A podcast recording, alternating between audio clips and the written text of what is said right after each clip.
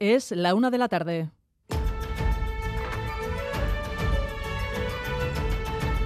Crónica de Euskadi con Irache Ruiz.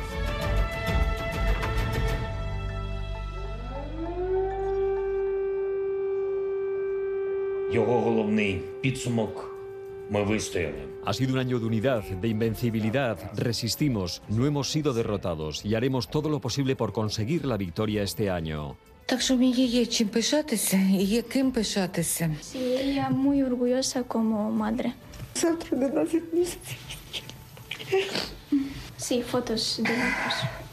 Yo creo que todos los hombres y todos... A Rachaldeón escuchábamos en primer término al presidente Zelensky. Subraya la resistencia ucraniana frente a Rusia en el día en el que se cumple un año de la invasión. En un programa especial de Boulevard escuchábamos también a los más afectados, a la población civil eran Irina, Svetlana o Iván.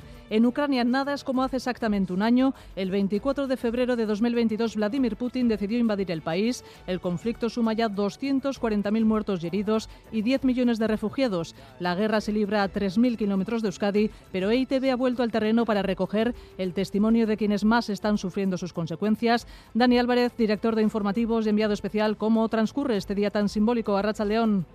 Arrachaldeón, empieza el año 2 desde que se iniciara la invasión rusa. Sigue la guerra mientras van ya nueve años en el sureste del país. Hoy no han sonado las alarmas en la capital ni una sola vez. La ciudadanía temía una nueva ofensiva en esta fecha tan simbólica que de momento no se ha producido, no ha llegado. Lo que sí ha llegado es el primer regalo de un socio clave para Ucrania. Polonia ha entregado hoy mismo los dos primeros tanques Leopard a Zelensky. La determinación de los ucranianos es clara. Quieren ganarle a Rusia. Nos lo ha dicho incluso un soldado, Alexander Davidienko, que está de permiso ahora en Zaya para ver a su familia. Hemos estado en Kharkiv eh, tres meses, desde septiembre hasta diciembre estuvimos allí. Ya estamos pensando que vamos a ganar por, lo- por la ayuda que tenemos de Europa, de América y de todo. Pues yo creo que vamos a ganar y, y en eso que estamos contentos. En unos minutos volvemos a conectar con Kiev. Euskadi abrió las puertas a quienes tuvieron que abandonar Ucrania. El Endacari les ha rendido hoy un homenaje a las 1.500 familias de acogida, también al voluntariado. Urcuyu pide poner fin a una injusticia que amenaza los valores democráticos. José Luis Fonseca. Sí, el Endacari reiteraba la condena a la invasión eh, eh, unilateral de Rusia sobre Ucrania y expresaba el apoyo del gobierno vasco al sostenimiento de la unidad en la respuesta europea e internacional en la exigencia del fin de la invasión y la exploración de una paz justa y agradecía el papel de la sociedad vasca, de las familias acogedoras y de las asociaciones. Iñigo Urkullu. Reitero nuestro afecto, solidaridad y compromiso con Ucrania y nuestro agradecimiento a la sociedad vasca y en particular a las familias acogedoras, así como al voluntariado de las asociaciones y de los grupos locales de acogida. Una acogida y refugio que ha de ser compromiso para con las personas de otros pueblos también. Esta tarde a las 7 hay convocadas manifestaciones de apoyo a Ucrania en nuestras capitales.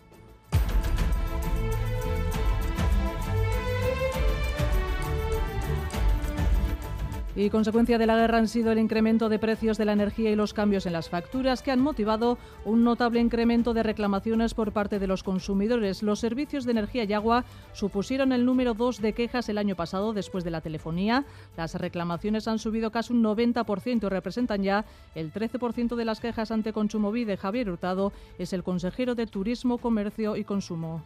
Ha habido factores como la incorporación del tope del gas o la conocida como excepción ibérica, que han supuesto cambios en las facturas y han generado numerosas dudas en los consumidores, que nos han planteado consultas y también reclamaciones al respecto. En su gran mayoría se ha tratado de reclamaciones que no han finalizado en procedimientos sancionadores Y al margen de la guerra, hoy es noticia la huelga de la plantilla de Cuchabank. No han abierto las sucursales en protesta por las condiciones laborales asfixiantes que dicen atraviesan. Es lo que han denunciado en la calle Gran Vía de Bilbao, Ainhoa Iglesia.